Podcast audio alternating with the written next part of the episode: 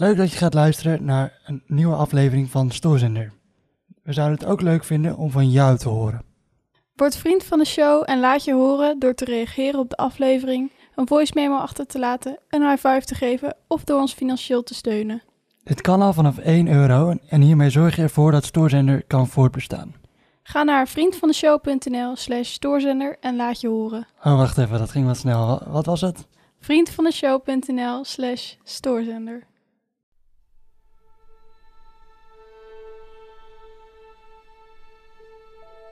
Manel en haar dierenvriendjes zijn al een hele tijd samen. De slang is al ongeveer 15 jaar bij haar en ook de olifant draagt ze al een poos met zich mee.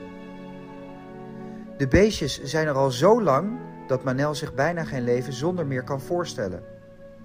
Maar Manel draagt nog een diertje. Dit diertje werd een lange tijd voor een ander beest aangezien, maar sinds kort is zijn naam bekend. Het is een pinguïn. De pinguïn mengt zich in gesprekken, maar sarcasme herkennen vindt hij maar moeilijk. Als er veel dingen tegelijk gebeuren, dan trekt de pinguïn aan de bel. Het gehuil van Manel haar pasgeboren baby vindt hij niet leuk. Wanneer Manel een koptelefoon draagt, dan gaat het wel. Zo kan ze ongestoord van haar lieve dochtertje genieten. De naam van de pinguïn? Autisme.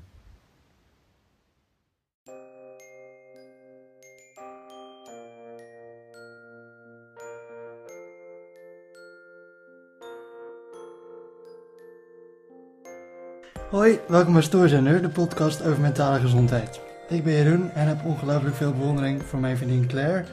Ze is voordat wij elkaar kenden genezen van anorexia en worstelt met een depressie, een dwangstoornis en een persoonlijkheidsstoornis. Samen spreken we met gasten van wie wij vinden dat ze een belangrijke strijd voeren of een belangrijk verhaal hebben. Eh, ja, voordat we beginnen eh, spreken we zoals altijd nog even de actualiteitjes. Wat is er gebeurd?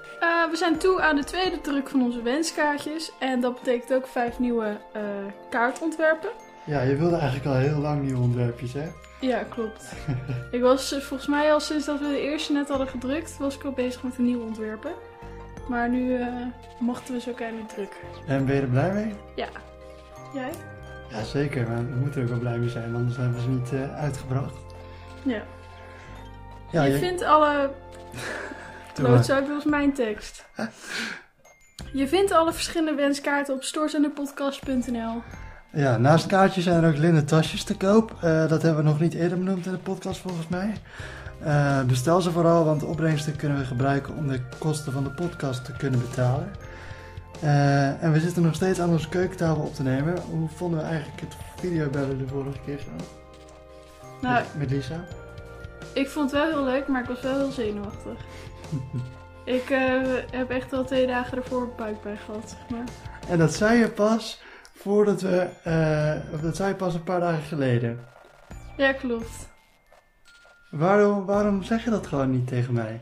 Ja, had ik niet zoveel zin in. Nee. Hm. Ik denk dat ik toen ook een beetje zoiets had van...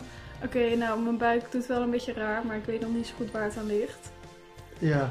En dan vlak voor de pod, echt, echt gewoon 10 minuten voor de podcast, dat je zo zit te wachten voor, voor, eh, voor de laptop. Totdat Lisa online komt, zeg maar. Dan wordt het echt zo heel erg floepsie in mijn buik. Het is veel Freds gekeken. Nee, maar toen, toen echt 10 minuten van tevoren werd het, werd het wel een beetje extreem. Dat ik gewoon heel veel buikpijn had. Maar toen, als je dan eenmaal begint, dan gaat het wel prima. Over naar de gast van deze week. eh, want hoe ben je haar tegengekomen, Claire? Nou ja, ik denk dat ik haar al best wel een paar jaar geleden ben tegengekomen op Instagram, denk ik ooit.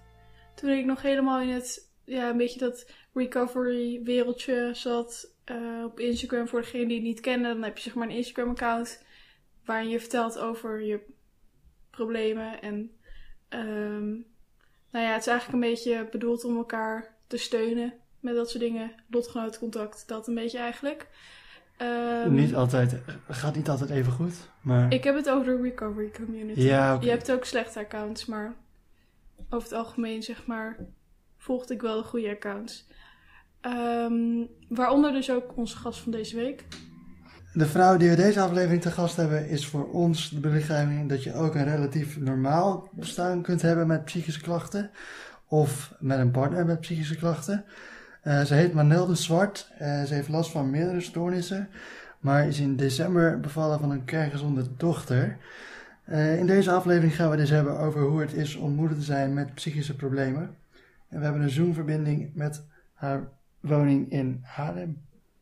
Nou, welkom Manel. Leuk dat je te gast wil zijn.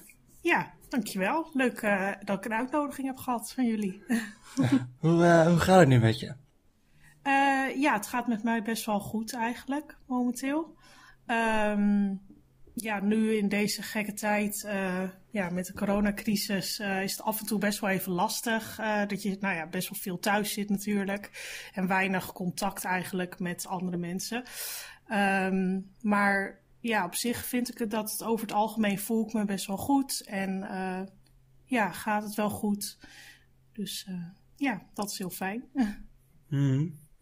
Begint het uh, videobellen al een beetje te wennen? Um, wel een beetje, maar ik geef wel voorkeur naar gewoon face-to-face hoor.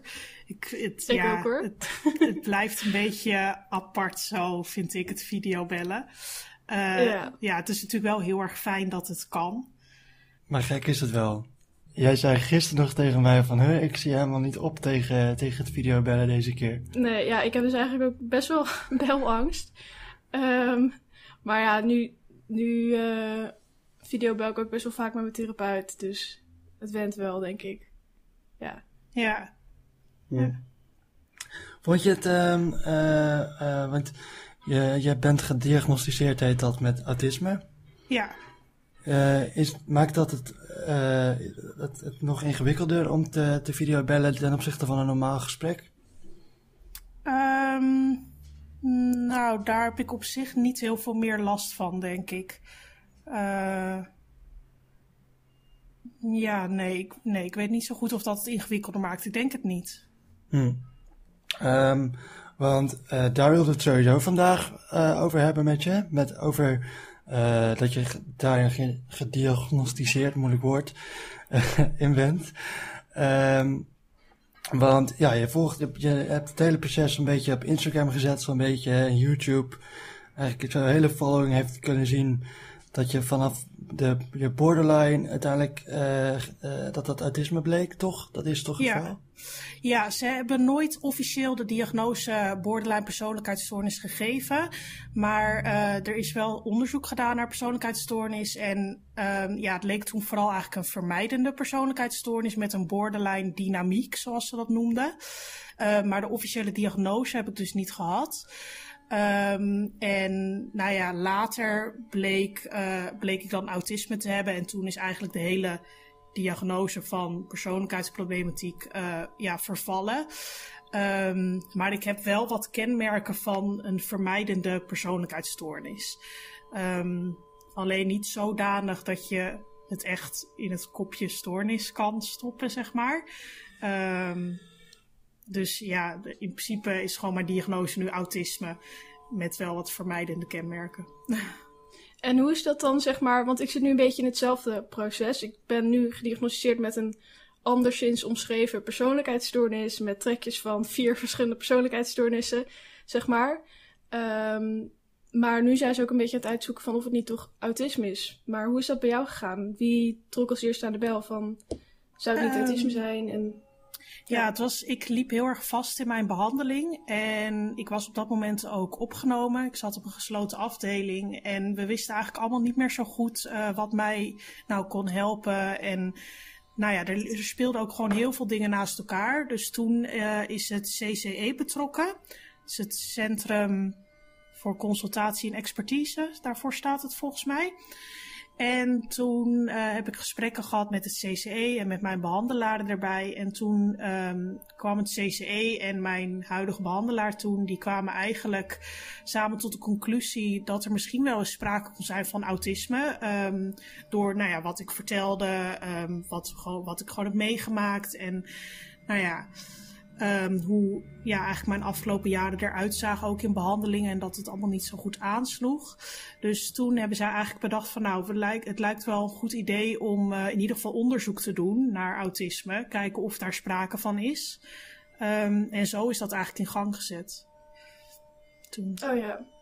Ja. ja. En volgens mij is het ook best wel een veelgemaakte fout in de psychiatrie. Dat uh, autisme vaak wordt gezien, vooral bij meisjes, uh, als persoonlijkheidsstoornissen. Ja. ja. Ja, ik hoor dat inderdaad ook best wel veel. Steeds meer ook. Ja, hè?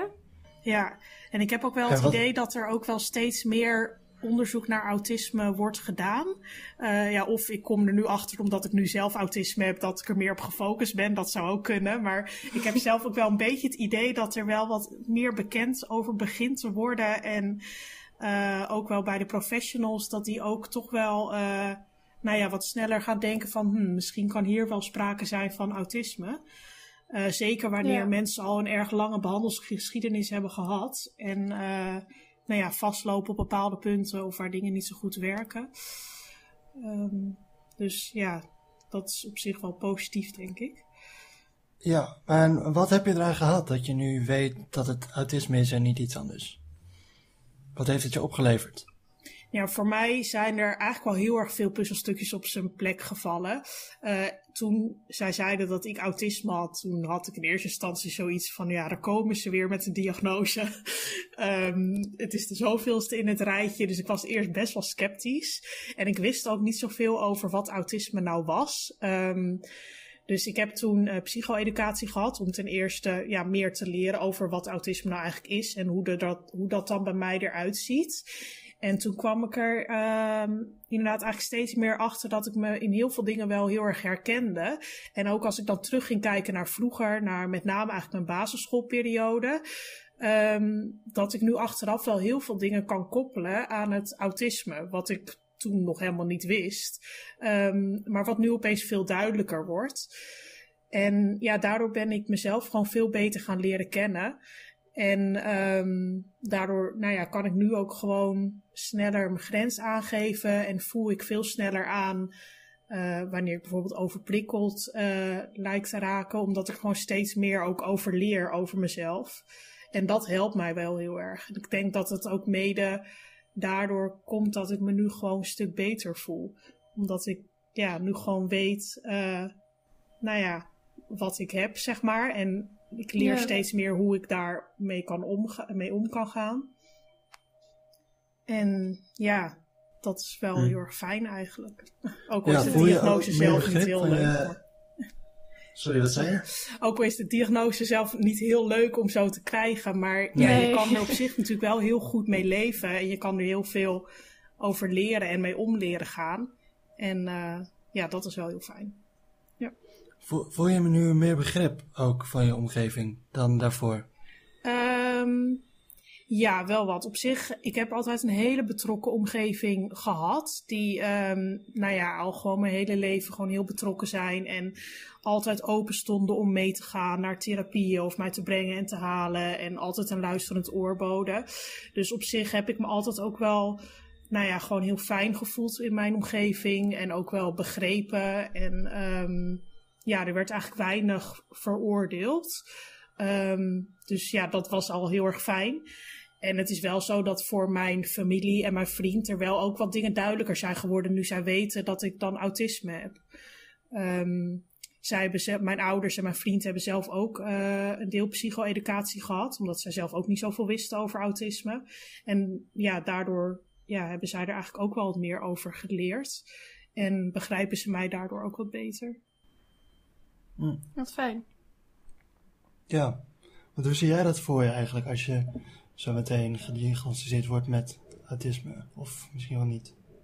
Ik, nou ja, ik heb heel erg nu juist een beetje de hoop dat het autisme is. Omdat ik me uh, toch ook wel vaak in de stukjes die jij schrijft, herken ik me heel erg. En we hebben voor deze aflevering hebben we heel veel geresearched op autisme. En daar herken ik me ook heel erg in. Dus ja, het, ik zou het denk ik wel fijn willen, vinden.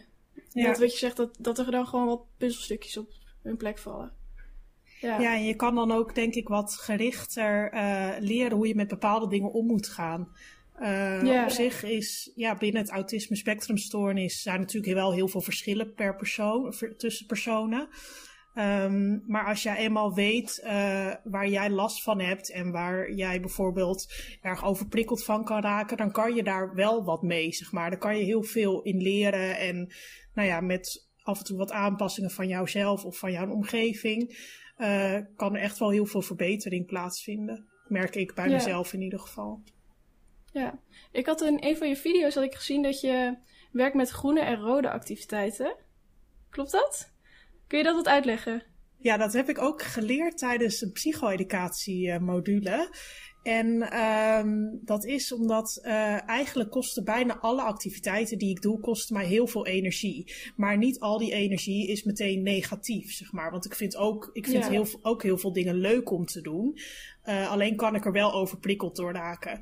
Dus eh, toen heb ik bedacht, ja, toen hebben we eigenlijk bedacht, en nou ja, dat is een algemene methode ook, om ze ja, rode activiteiten en groene activiteiten te noemen. En dan zijn dus de groene activiteiten zijn de dingen die ik heel leuk vind om te doen, maar die wel gewoon heel veel energie kosten en waarvan ik ook overprikkeld kan raken. Maar ja, die voor mij wel gewoon heel belangrijk zijn om te blijven doen. Ehm, en Zoals?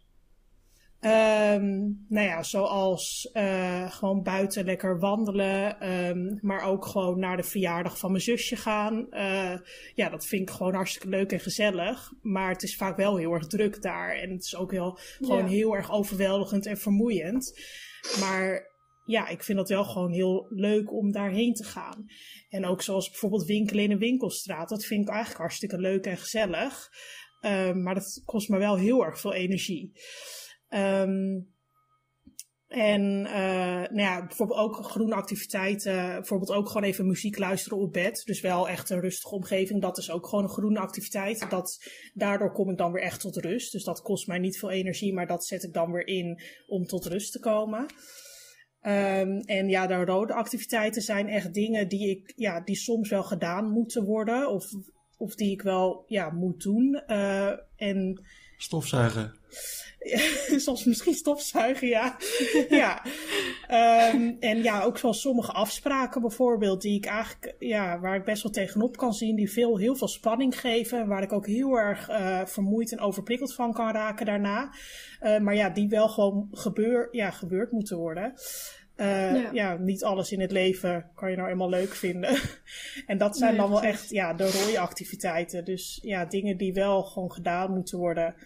Ehm, en ja, die ook wel gewoon zwaar zijn. Ehm, Mhm. Dus ja, vaak ehm, af en toe doe ik ook in mijn agenda, dan geef ik mijn activiteit of mijn to-do dingen ook een kleur. Zodat ik van tevoren ook weet van oké, dit gaat me echt wel veel energie kosten waar ik echt wel goed van moet bijkomen. En dan de groene activiteiten, die kosten ook wel energie, maar dat vind ik ook leuk. Dus daar hoef ik dan vaak toch wat minder van bij te komen. Ehm, zodat ik daar ook een beetje een afwisseling in kan maken. En dat ik het ook een beetje afwissel met gewoon de dingen die ik leuk vind. En ja, Ja. de dingen die gewoon gedaan moeten worden omdat het nou eenmaal moet. Ja, goede tip voor eh, mensen die er misschien ook mee, eh, mee worstelen. Ja, Eh, hoe past een, een beetje brugje naar het volgende onderwerp. Hoe past een baby in het, in het, in het plaatje als je, als je autisme hebt? Ehm, nou, het is, af en toe is het heel zwaar, maar het is ook heel erg leuk.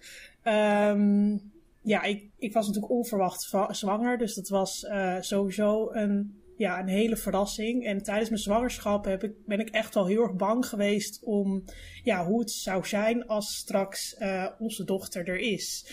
Ehm, of ik dat allemaal wel kon, of ik wel een goede moeder zou zijn. Nou, ook wel wat denk ik heel veel andere eh, vrouwen die moeder worden hebben. Gewoon wel de, de normale angsten, denk ik ook wel. Daar hoef je dan geen autisme voor te hebben, maar dat is denk ik ook wel Mhm. herkenbaar voor anderen. Gewoon, ja, of je het allemaal wel goed doet en... eh, ja, zulke soort dingen. En ja, baby's die huilen. Nou eenmaal, de ene baby huilt meer dan de andere. Met onze dochter hebben we denk ik op zich nog best wel geluk. Ze huilt wel af en toe, maar is geen huilbaby of zo. En is ook heel vaak heel vrolijk. Maar het huilen is voor mij wel echt heel, eh, ja, echt wel heel moeilijk en heel zwaar. Daar raak ik heel erg overprikkeld van. Ehm, dat is ook echt, die staat echt in het knalrood. Wanneer uh, onze dochter uh, ja, onrustige dagen heeft, dan uh, is dat voor mij ook echt wel heel zwaar. En dat merk ik vaak ook wel, dat ik gewoon echt heel erg overprikkeld raak en ook daardoor ook weer somberder word. Dat hangt bij mij een beetje samen. Um, en ja, dat zijn dan voor mij ook wel moeilijke dagen. Maar je krijgt er ook gewoon heel veel mooie momenten voor terug. Want ze is ook, ja, het is gewoon zo'n, ja, gewoon lief, leuk, klein meisje. Ja, het, het, is natuurlijk mijn dochter, dus daar kan ik alleen maar leuk over praten. Ja. Um, ja, ze geeft zoveel liefde terug. En uh, ja, ook gewoon wel heel veel verantwoordelijkheid. Uh, voor mij op een mm. hele positieve manier. Uh, je moet ochtends je bed uit. Je kan niet tegen haar zeggen: ga jezelf maar even vermaken. Dat kan gewoon niet met een baby. Dus je, ja, je moet er gewoon altijd voor haar zijn. En dat betekent ook dat ik goed voor mezelf moet zorgen. Want anders kan ik er niet voor haar zijn. En dat helpt mij eigenlijk wel heel erg in positieve zin voorheen, uh, nou ja, als ik me dan somber voelde, dan kon ik echt nergens zin in hebben. En dan lag ik het liefst de hele dag in mijn bed. En dat deed ik dan ook. Uh, ja, dat is nu gewoon geen optie meer. En ik merk dat als ik dan toch gewoon de dag begin en mijn dingen ga doen, dat ik me daardoor eigenlijk gewoon beter ga voelen. En um, ja, dat helpt mij dus eigenlijk ook wel. Um, dus ja, ze geeft gewoon heel veel positieve dingen terug. En het is af en toe is het ook echt wel heel zwaar hoor. Dat, uh, ja, het is niet alleen maar uh, leuk en geweldig. En uh, ik, ben, ja, ik ben wel echt gewoon zo'n moeder die af en toe echt zegt van nou, uh, nu zit ik gewoon echt even helemaal doorheen. En kan ze alsjeblieft even bij opa en oma logeren, want ik moet nu echt even tijd voor mezelf hebben. Um, en ja, ik denk dat dat ook alleen maar goed is om dat toe te geven nou ja, dat je af en toe gewoon wat tijd voor jezelf nodig hebt om bij te komen, zodat je daarna gewoon weer voor de volle 100% er voor je dochter kan zijn. Uh, of voor je zoon. Of, uh, ja. Um, Als ik jou uh, zo hoor, ken je jezelf misschien wel beter doordat je autisme hebt als mensen die geen autisme hebben. Misschien je kent wel, jezelf ja. heel goed. Ja. ja. Ik vind het ook heel knap hoe helder je vertelt hoe dat dan allemaal gaat, zeg maar. Ja, ja, dat is wel een leerproces geweest hoor. Dat, uh, daar heb ik uh, heel lang uh, over gedaan. Maar ja, ik denk dat het ook gewoon heel erg helpt dat ik ja, met, mijn, met behulp van mijn therapeuten, die me ook echt wel uitdagen om over zulke soort dingen na te denken. dus je wordt ook wel ja, op een bepaalde manier een beetje gedwongen, zeg maar, om over, bepaal, ja, over sommige dingen gewoon na te denken. En ja, daar, daar ben ik op een gegeven moment steeds wel beter in geworden. En dat gaat nu gewoon steeds makkelijker eigenlijk. En, um... en krijg je nu nog veel ondersteuning van therapeuten of uh, met de baby bijvoorbeeld? Ja, ik, uh, drie keer in de week komt er een autismebegeleidster bij mij thuis. Dat is drie keer in de week voor anderhalf uur. Uh, nou ja, dat is best wel intensief. Um, en dan om de week ga ik uh, naar de psycholoog. En ik heb ook nog, een psychiater voor mijn medicatie, zeg maar. Maar die zie ik één keer in de drie maanden. Dus dat is niet heel regelmatig. Um, en wij worden ook nog ondersteund door stevig ouderschap van het consultatiebureau. En um, ja, dat kan voor heel veel ouders ingezet worden. Dat hoeft niet alleen maar als je last hebt van psychische problematiek. Maar dat kan bijvoorbeeld ook als je gewoon um, onzeker bent over het ouderschap. Of een baby hebt die gewoon, nou ja, best wel lastig is af en toe. Waarvan je niet zo goed weet wat je met bepaalde dingen moet doen. Uh, kan je ja, hulp vragen aan uh, ja, het stevig ouderschap. Volgens mij heeft inmiddels elke gemeente dat. Weet ik eigenlijk niet zeker. Maar uh, ik hoor het wel steeds meer om me heen. En um, ja, met hun dan ga je echt specifiek wel praten over het ouderschap, zeg maar. Dus dat is, dan praat je echt wel over je kind en hoe je er zelf in staat. Um, ja, met mijn autismebegeleiders doe ik dan weer ja, hele andere dingen, zoals ja, gewoon uh, dingen wat te maken hebben met mijn planning en gewoon hoe ik me voel en hoe mijn dagen gewoon zijn. En, uh, mm. Ja. Dus ik heb op zich, ja, ik denk wel nog redelijk wat ondersteuning. Um, en ja, ik vind wel, ja, ik ben daar eigenlijk heel blij mee met dat het allemaal mogelijk is. En, uh... Ja, zeker. Sowieso is het wel heel uh, uh, bemoedigend. Zo, hebben, zo willen we deze podcast een beetje insteken. Dat je dus met psychische problemen nog een, een redelijk een normaal leven kunt leiden. Zie je dat zelf ook zo? Ja, inmiddels wel. Uh, twee jaar geleden, toen kon ik me nog niet voorstellen dat mijn leven er nu zo uit zou zien. Toen zat ik ook wel heel erg diep. En uh, ja, toen op dat moment durfde ik nooit te dromen dat ik ooit weer een redelijk normaal leven zou leiden. Hoe diep, hoe diep zat je? Wil je? Kun je iets van een beeld schetsen? Nou ja, ik zat uh, gedwongen opgenomen op een gesloten afdeling. Um, ja, daar werd eigenlijk uh, voor mij alles bepaald. Uh, ze hadden mij ja, wils onbekwaam. Uh, de, hoe noem je dat? Wils onbekwaam genoemd. Genoemd, beticht. Bet ja. ja. en um, nou ja, dat hield eigenlijk in dat ik nou vrijwel geen inspraak meer had in ja, mijn behandeling of hoe ik voor mezelf zorgde. En uh, ik was heel erg suicidaal op dat moment. Um, veel pogingen ook wel gedaan, suïcidepogingen. En ja, ik zag het leven gewoon echt niet meer zitten. Ik wilde er gewoon niet meer zijn. En uh, elke dag was het gewoon een strijd eigenlijk om, ja, ja het om in leven te blijven eigenlijk. Dat klinkt heel heftig misschien, maar ja, zo zie ik het ook wel. Dat was het ook heel erg, uh, ja, gewoon heel heftig die periode.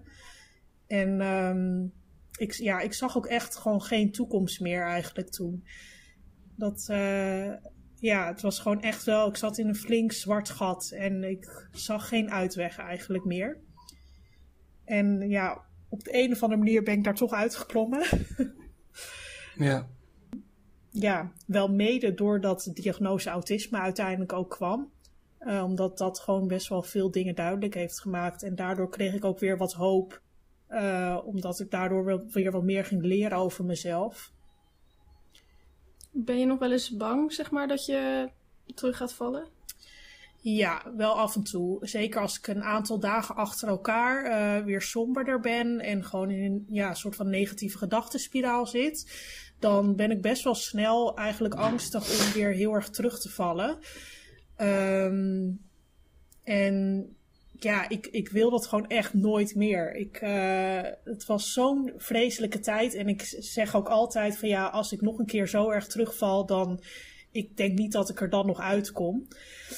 Um, dus dat, dat, ja, ik, dat mag gewoon nooit meer gebeuren. Uh, dus ik probeer echt heel erg, uh, ja, wanneer ik me gewoon echt somber voel, gewoon meteen wel aan de bel te trekken bij mijn therapeuten en begeleiders. of mijn ouders of mijn partner.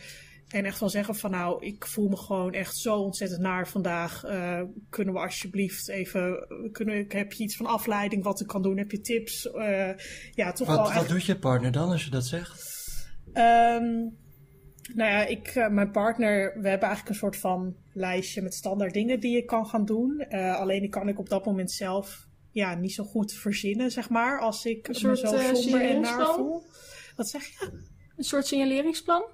Ja, ja, inderdaad een soort van signaleringsplan.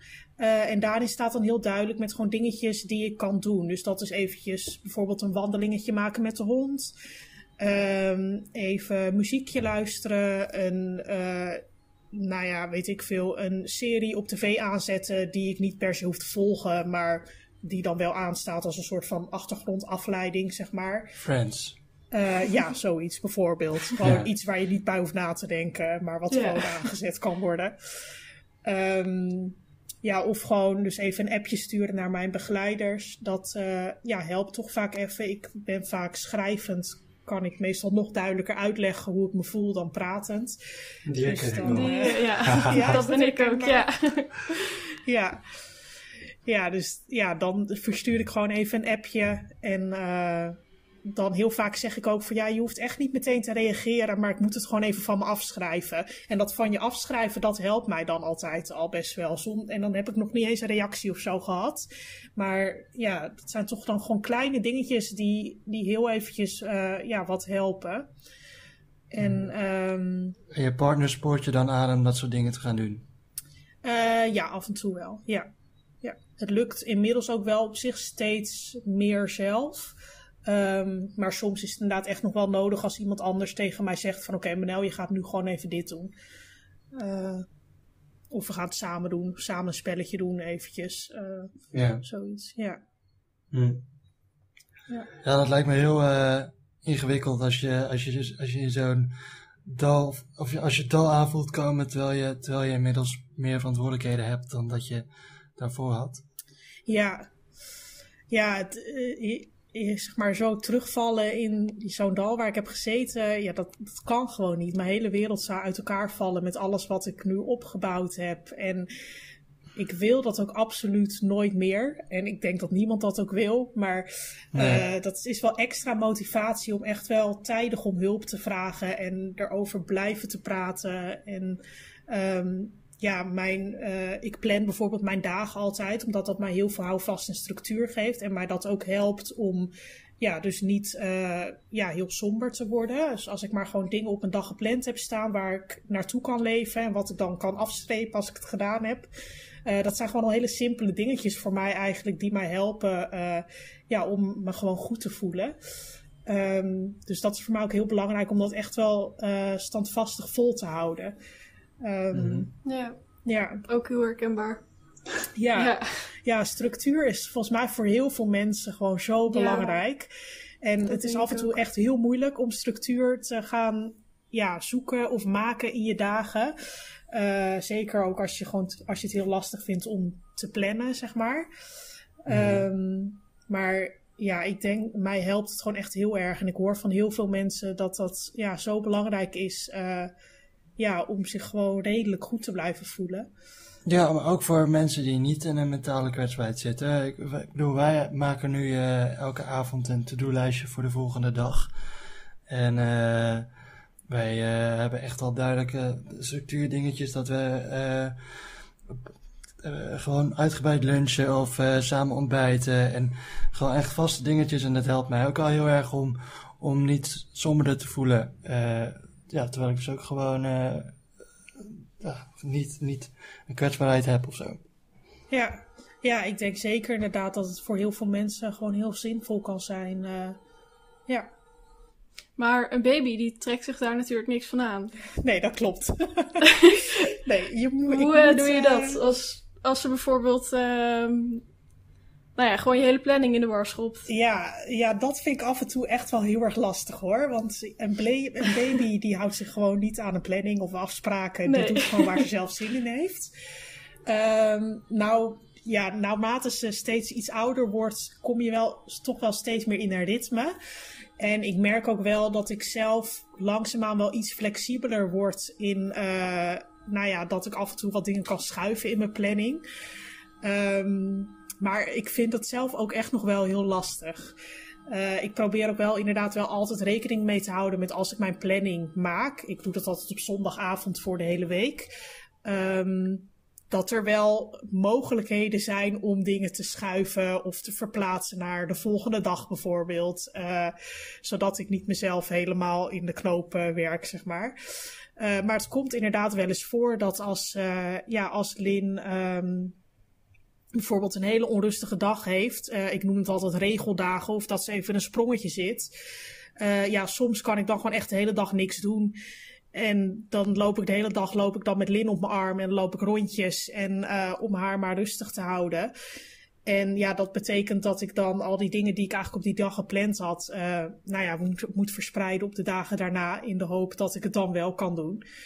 En uh, dat is wel nog een proces waar ik in zit hoor. Dat, ik vind dat af en toe heel frustrerend en heel erg lastig om dat dan los te laten.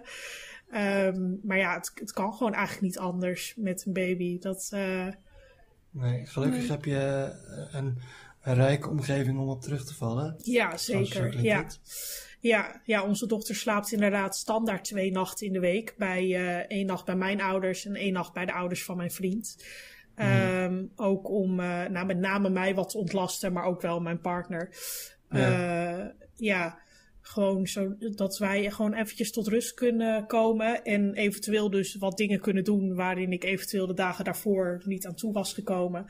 Uh, ja, het lijkt me voor hem ook wel heel moeilijk dat, dat hij, als het met jou even niet gaat, dat hij echt de verantwoordelijkheid heeft voor zowel voor, voor jou als voor, voor Lin. Ja, klopt. Ja. Ja, dat is ook af en toe best wel uh, moeilijk en zwaar. Uh, ja, hij werkt gewoon vijf dagen in de week, van maandag tot en met vrijdag. Um, en uh, nou ja, dat is op zich gewoon al nou, gewoon best wel zwaar. Dan kom je uit je werk en dan ben je moe. En soms betekent Mhm. dat inderdaad dat hij meteen Lin van mij over moet nemen. Omdat ik helemaal overprikkeld en moe ben. En dan kan ik eigenlijk alleen nog maar bed liggen. En dan moet hij dus uit zijn werk moet meteen Lin overnemen totdat zij naar bed gaat eigenlijk. En dat is af en toe echt wel heel pittig. Dat, eh, Ja. ja. Hoe, ehm, hoe zie je de, de toekomst eigenlijk? Wil je nog iets van, van studie doen? Of wat, Ehm, nou, ik ben eh, vlak voor de coronacrisis crisis was ik begonnen met wat vrijwilligerswerk bij ehm, ja, de, het centrum waar ik de autismebegeleiding van krijg. Ehm, daar eh, ja, was ik eigenlijk begonnen en dat ben ik nu ook weer langzaam een beetje online ook wat dingetjes aan het oppakken. En zelf zou ik heel graag eh, op een gegeven moment daar een opleiding tot ervaringsdeskundige aan vast willen plakken, zodat ik echt als ervaringsdeskundige aan het werk kan gaan daar. Eh, maar goed, dat is wel echt een toekomstplan, zeg maar. Dat is nu nog niet aan de orde. Ik ja, ben eerst heel langzaam aan het opbouwen om gewoon eh, weer wat te gaan werken.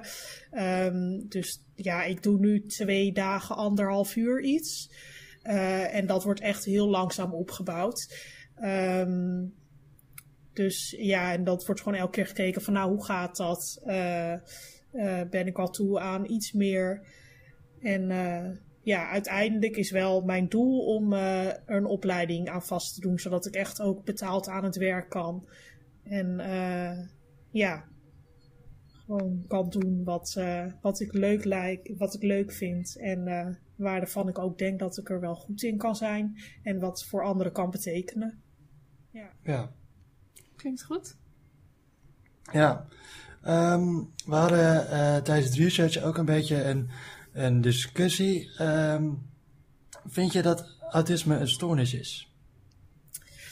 Eh, ja, ze noemen het natuurlijk een stoornis, Maar ik heb zelf wel een beetje een hekel aan, eh, aan ja, om het een stoornis te noemen. Ehm, ik denk dat ja, mensen die autisme hebben, hun hersenen werken gewoon iets anders dan de, ja, de neurotypische mensen, zeg maar. Dus mensen die geen autisme hebben, dat zijn neurotypische mensen. En ehm, mensen met autisme eh, niet. Volgens mij, toch? Ja. Of is het andersom? Nee. Volgens mij is het wel zo. Ehm, Of zeg ik het nu verkeerd? Nee, volgens mij, Ja.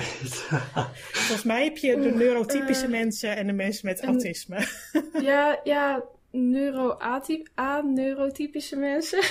Dan misschien? Misschien zeg ik het nu helemaal Ja, een vriendin van mij heeft het ook wel eens uitgelegd als ehm, niet als zijnde een stoornis, maar dat de bedrading in je hoofd gewoon iets anders zit. Zeg maar. Ja. het is inderdaad gewoon de informatieverwerking in je hersenen gaan bij mensen met autisme. Ja, dat werkt wat anders dan mensen zonder autisme. En ja, ik zou dat zelf geen stoornis noemen. Kijk, je wordt ermee, je wordt ermee geboren. Ehm. Je kan er in principe prima mee leven. Als je, eh, vaak is er wel wat ondersteuning nodig om, ja, om te leren hoe je met bepaalde dingen om moet gaan. Ehm, maar ja, verder kan je er gewoon heel erg goed mee leven. En eh, hoeft het echt niet zozeer je dagelijks leven te beïnvloeden. En ja, je hoort juist altijd vaak met een stoornis dat het echt een hele erge invloed heeft op je dagelijks leven. En dat je bepaalde dingen allemaal echt niet kan doen. En dat soort dingen, ja. Ja, en ik vind dat dat bij autisme niet per se zo hoeft te zijn. Kijk, je hebt natuurlijk wel verschillende vormen van autisme. Ehm, eh, zeker als er daarnaast een verstandelijke handicap bij zit, dan, eh, ja, dan is dat echt wel heel, eh, heel zwaar, heel heftig. En dan kan je inderdaad sommige dingen niet doen zoals andere mensen dat doen. Maar er zijn het merendeel van de mensen met autisme die kunnen gewoon een normale betaalde baan doen. Die kunnen gewoon een gezin hebben. Die hebben gewoon een groep vrienden om zich heen. En die kunnen prima functioneren in het leven. Ehm, dus in die zin vind ik eigenlijk niet dat ze het een stoornis zouden mogen noemen. Nee.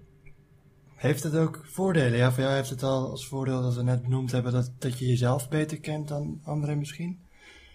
Maar zit er nog iets, zit er nog een voordeel aan? Ehm, Nou, bij mij zijn wel kenmerken vanuit het autisme dat ik um, heel erg standvastig kan zijn. En als ik ergens echt voor wil gaan, dan ga ik er ook helemaal voor. Uh, dan kan iedereen zeggen wat hij wil. Uh, of zeggen van ja, dat lukt je niet of dat kan niet. En dan denk ik van nou, ik kan echt wel. Ik zal het je eens laten zien dat dat kan. En dan uh, ga ik er gewoon, dan geef ik me er gewoon echt helemaal voor. En dat is ook best wel een kenmerk van autisme. Die mensen kunnen hebben dat, nou ja, dat ze als ze er eenmaal voor gaan, dan gaan ze er ook voor. En ik denk dat dat best wel een positief punt kan zijn. Kijk, je kan natuurlijk ook ergens in doorslaan. Uh, maar goed, als je daar weer mee om leert gaan, dan kan je dat ook weer voorkomen. Um, dus ik denk dat dat wel zeker een ja, sterk punt eigenlijk uh, is van, ja, een beetje vanuit mijn autisme. Um, ja. ja, en ook wel dat ik op zich best wel, denk ik, goed ben in plannen en structuur houden. En dat als ik dingen gepland heb staan, dan doe ik ze ook. Tenzij ik een hele onrustige baby is, waardoor het echt niet kan. Maar um, ja. ja. in principe uh, ja, ben ik gewoon best wel gestructureerd. En uh, helpt mij dat ook heel erg. En mm. ja, verder weet ik het niet zo goed eigenlijk. Nee, maar, maar dit, dit, dit, dit zijn, zijn wel hele mooie eigenschappen. ja. ja. Herken je er iets in jezelf in eigenlijk? Ja, ik um, herken ook wel heel erg die uh, standvastigheid. En je keek me net ook aan ja. toen Manel het zei. Toen dacht ik, ja, ja. dat uh, herken ik ook wel heel erg. Ja. ja. Sowieso, we hebben even, uh, je had juist, we hebben je video bekeken, want je hebt ook een YouTube kanaal waar je best wel actief bent. Soms actiever dan de andere keer. Ja, het is een beetje wisselend. maar, ja. ja dat geeft allemaal niks. Maar uh, de, de, video die je hebt opgenomen toen je net gediagnosticeerd was met autisme, uh, noemde je sociale interactie. Dat, dat je daar uh, moeite mee hebt. Ja. Nou heb ik ook gelezen, en dat klopt ook wel, dat vrouwen dat iets beter kunnen maskeren dan, dan mannen. Ja. Hoe, hoe zit dat? Ja. Nou ja, toen, toen want bij mij was het op een gegeven moment mijn moeder die zei van ja, zou je niet autisme hebben? Um, en in eerste instantie was ik ook heel sceptisch, maar toen ging ik toch meer googlen en dan kom je meestal een beetje op de, nou ja, de wat bekendere symptomen, vooral bij jongens. Um, en toen herken ik me daar helemaal niet in. Maar toen ging ik googlen op autisme bij meisjes en dat het dan vaak zich heel anders uit en dat meisjes zich veel meer gedrag aanleren, zeg maar, om ja. autistische trekjes, zeg maar, te maskeren, zeg maar. Ja, ja sowieso meisjes in het algemeen die tonen heel vaak sociaal gewenst gedrag. Veel meer dan ja. jongens. Uh, over het algemeen doen jongens uh, vooral waar ze zin in hebben en die trekken zich weinig aan van hun omgeving. Um, maar ja, meisjes en vrouwen die uh, passen zich toch wel heel erg aan en die willen altijd leuk en aardig gevonden worden en die tonen heel erg, nou ja, sociaal wenselijk gedrag. En ook meisjes met autisme, um, ja, die zijn daar eigenlijk best wel goed in. Alleen vaak kost het hun gewoon heel veel energie om dat te doen, waardoor ze misschien sneller vermoeid zijn. Um, maar ze kunnen het wel. En daardoor wordt het ook vaak niet zo snel opgemerkt bij vrouwen als ze autisme hebben. Omdat ze zich gewoon ja, toch wel goed kunnen aanpassen. En het echt wel wordt gecamoufleerd doordat ze zo sociaal overkomen. En dat heb ik ja. zelf ook heel erg. Dat, uh, ja. Ja. Hm. Uh, er is nog een onderdeel uh, wat je helpt in je, in je dagelijks leven. we hadden van tevoren een paar onderwerpen paar onderwerpen genoteerd. Ik merk dat we daar een beetje wisselend doorheen gaan. Maar uh, je, je hulphond? Ja, klopt. Ik heb nu sinds uh, nou, ruim een jaar heb ik uh, een hulphond. Ja, een hulphondopleiding. Dus ik heb, ik heb een pup in huis genomen. en die is nu bijna een jaar ja, in opleiding tot hulphond. Um, Waar helpt hij jou mee? nou ja, ze is natuurlijk nog in ja, in haar opleidingsperiode. Ze is nog heel veel dingen aan het leren en aan het verbeteren. Uh, maar momenteel uh, zijn we veel bezig met uh, DPT, dat staat voor Deep Pressure Therapy. En um, okay. dan gaat zij bij mij op schoot liggen om eigenlijk diepe druk te geven. Dus op mijn lichaam druk te geven waar ik rustig en ontspannen door wordt. Uh, dus zij doet dat wanneer ik heel erg gespannen en onrustig uh, ben. En ja, op dit moment zijn we nog in de fase dat ik het haar moet vragen of zij bij mij op schoot komt liggen. En het doel is dat zij dus echt zelf gaat signaleren wanneer bij mij de spanning stijgt of wanneer ik overprikkeld ben of onrustig. Dat zij bij mij gaat aangeven: Oké, Manel, nu moet je even gaan zitten. Ik kom bij je op schoot en we gaan gewoon even niks doen en gewoon even zitten op de grond of op de bank of waar ik ook ben.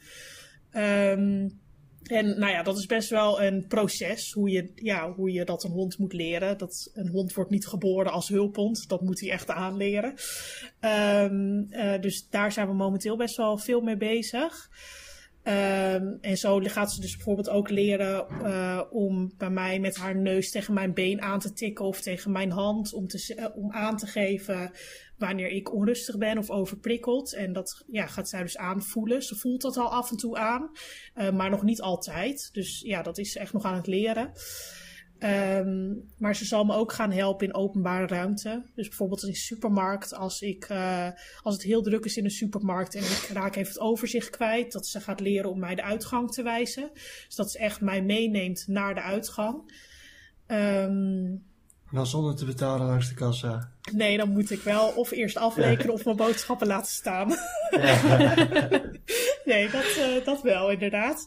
Ja. Um, maar ja, soms is het wel gewoon nodig om echt even direct uit zo'n omgeving te gaan. Om, ja, omdat ik anders gewoon echt te overprikkeld kan raken. Um, ja, of helemaal in mezelf gekeerd kan raken, zeg maar.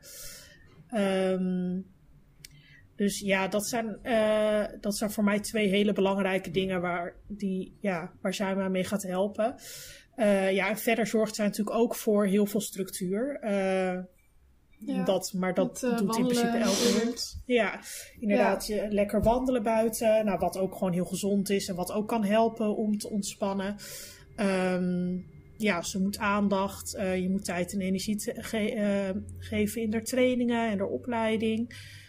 Um, en daarnaast gewoon de onvoorwaardelijke liefde uh, die zo'n ja. beestje geeft. Ik bedoel, ja, Lucy is altijd blij als ze mij ziet. Uh, als ik heel even zonder haar de deur uit ben geweest en ik kom thuis, nou dan springt ze een gat in de lucht en dan weet ze niet waar ze moet zoeken, hoe blij ze is. Ja. Uh, en dat is gewoon zo fijn thuiskomen en gewoon zo fijn dat altijd als je haar bij je roept, ze wil altijd knuffelen met je, ze is altijd vrolijk. Uh, ja, dat is gewoon heerlijk en dat geeft gewoon zoveel. En daarvoor hoef je natuurlijk niet eens uh, een hond te hebben die een opleiding is tot hulphond. Dat kan ook gewoon een normale hond uh, natuurlijk voor je mm -hmm. betekenen. En ja. ja, Lucy leert dan gewoon wat extra dingen. Hoe ze mij echt uh, kan helpen ja, op psychisch en mentaal gebied, zeg maar. Ja. Fijn. Ja. ja. Hoe lang duurt zo'n opleiding ongeveer nog voor jou? de opleiding duurt gemiddeld twee jaar. Dus wij hebben nog oh, ja. ruim een jaar te gaan. Ja. Oh ja. Ja. En dan loopt ze met zo'n uh, met zo'n hesje met hulphond. Ja, ze heeft dan een tuigje om, inderdaad. Ja. Um, is dat niet uh, lastig? Uh, word, je, word je daarop aangekeken? Heb je dat gevoel? Uh, soms wel. Soms, ja, momenteel blijven mensen op afstand, dus dat is eigenlijk wel lekker rustig. Ja. ja. Maar ja. Was dat altijd maar zo, hè? Voorheen kwamen wel eens mensen naar me toe en of die vroegen dan van of die, nou eigenlijk zeiden ze het meer. Dan zeggen ze van, oh, dat lijkt me zo moeilijk om je hond dan straks weer af te geven. En dan zeg ik altijd van ja, maar ze is voor mijzelf. en dan zitten die mensen je aan te kijken. En dan, nou, dan zijn ze bijna op zoek naar iets aan je. Waardoor ja. ik een hulphond nodig zou hebben. Maar goed, bij mij is dat aan de buitenkant natuurlijk niet te zien. Zoals bij heel veel mensen dat zo is. Nee.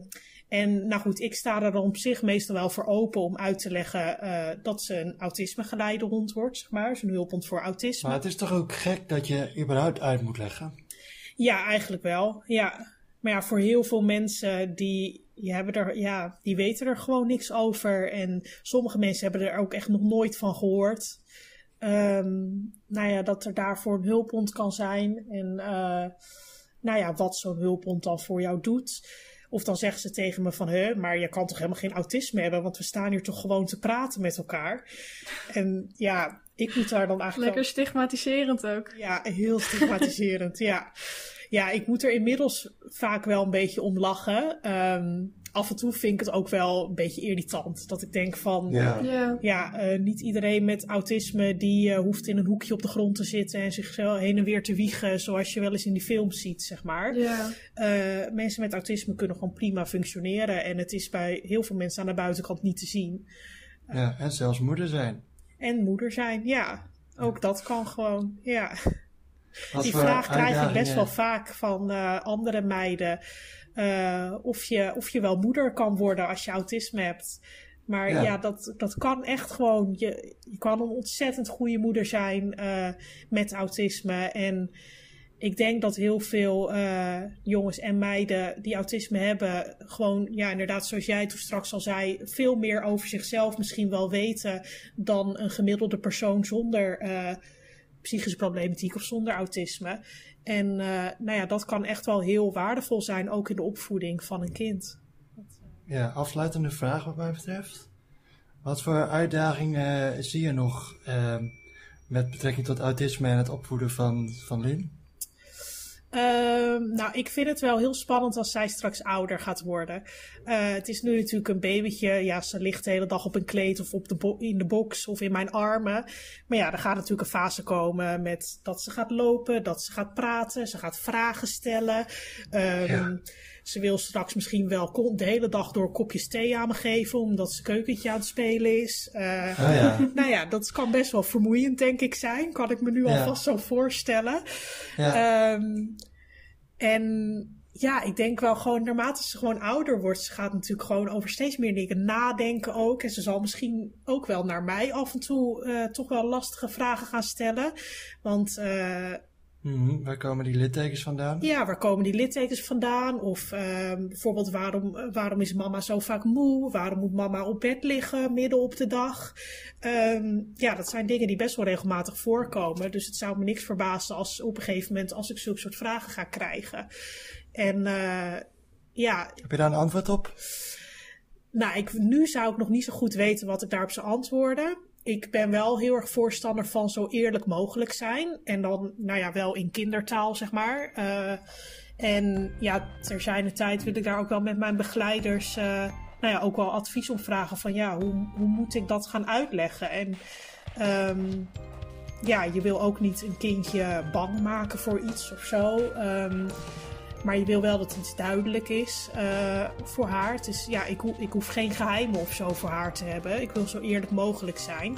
Ehm, maar wel op een manier met dat het voor kinderen te begrijpen is en dat het oké is. En, eh, ja, dus hoe ik dat precies ga doen, weet ik nog niet. Maar eh, ja, Hm. Komt dat komt nog goed. even. Ze praat nog niet, dus Nee. ja. nou, heel erg bedankt voor dit eh, mooie open gesprek. Ja, nou jullie ook heel erg bedankt. Dit was Stoorzender de podcast met Manel de Zwart. We zijn te vinden op sociale media, Facebook en Instagram, @stoorzenderpodcast. We hebben ook een website, stoorzenderpodcast.nl. Als je Manel wil opzoeken, die is op Instagram te vinden via livingmanel laagstreepje. En op YouTube eh Manel de Zwart volgens mij toch? Ja. ja. De kaartjes waar we het over hebben gehad, de wenskaarten zijn nog te koop via onze website. Eh, ja, doe dat ook vooral en steun ons via petje.af schuine streep Stoorzender podcast. Mail ons op stoorzenderpodcast@gmail.com. Heb je een iPhone, dan zouden we het fijn vinden als je een review achterlaat op Apple Podcast. Hierdoor worden we beter gevonden door nieuwe luisteraars. Zit je in crisis? In de show notes en op onze website stoorzenderpodcast.nl vind je waar je terecht kunt. Leuk dat je hebt geluisterd naar een volledige aflevering van Stoorzender. Nu zouden we het leuk vinden om van jou te horen. Word vriend van de show en laat je horen door te reageren op de aflevering, een voice memo achter te laten, een high five te geven of door ons financieel te steunen. Dit kan al vanaf 1 euro en hiermee zorg je ervoor dat Stoorzender kan voortbestaan. Ga naar vriendvandeshow.nl slash stoorzender en laat je horen. Oh, wacht even, dat ging wat snel. Wat was het? vriendvandeshow.nl slash stoorzender.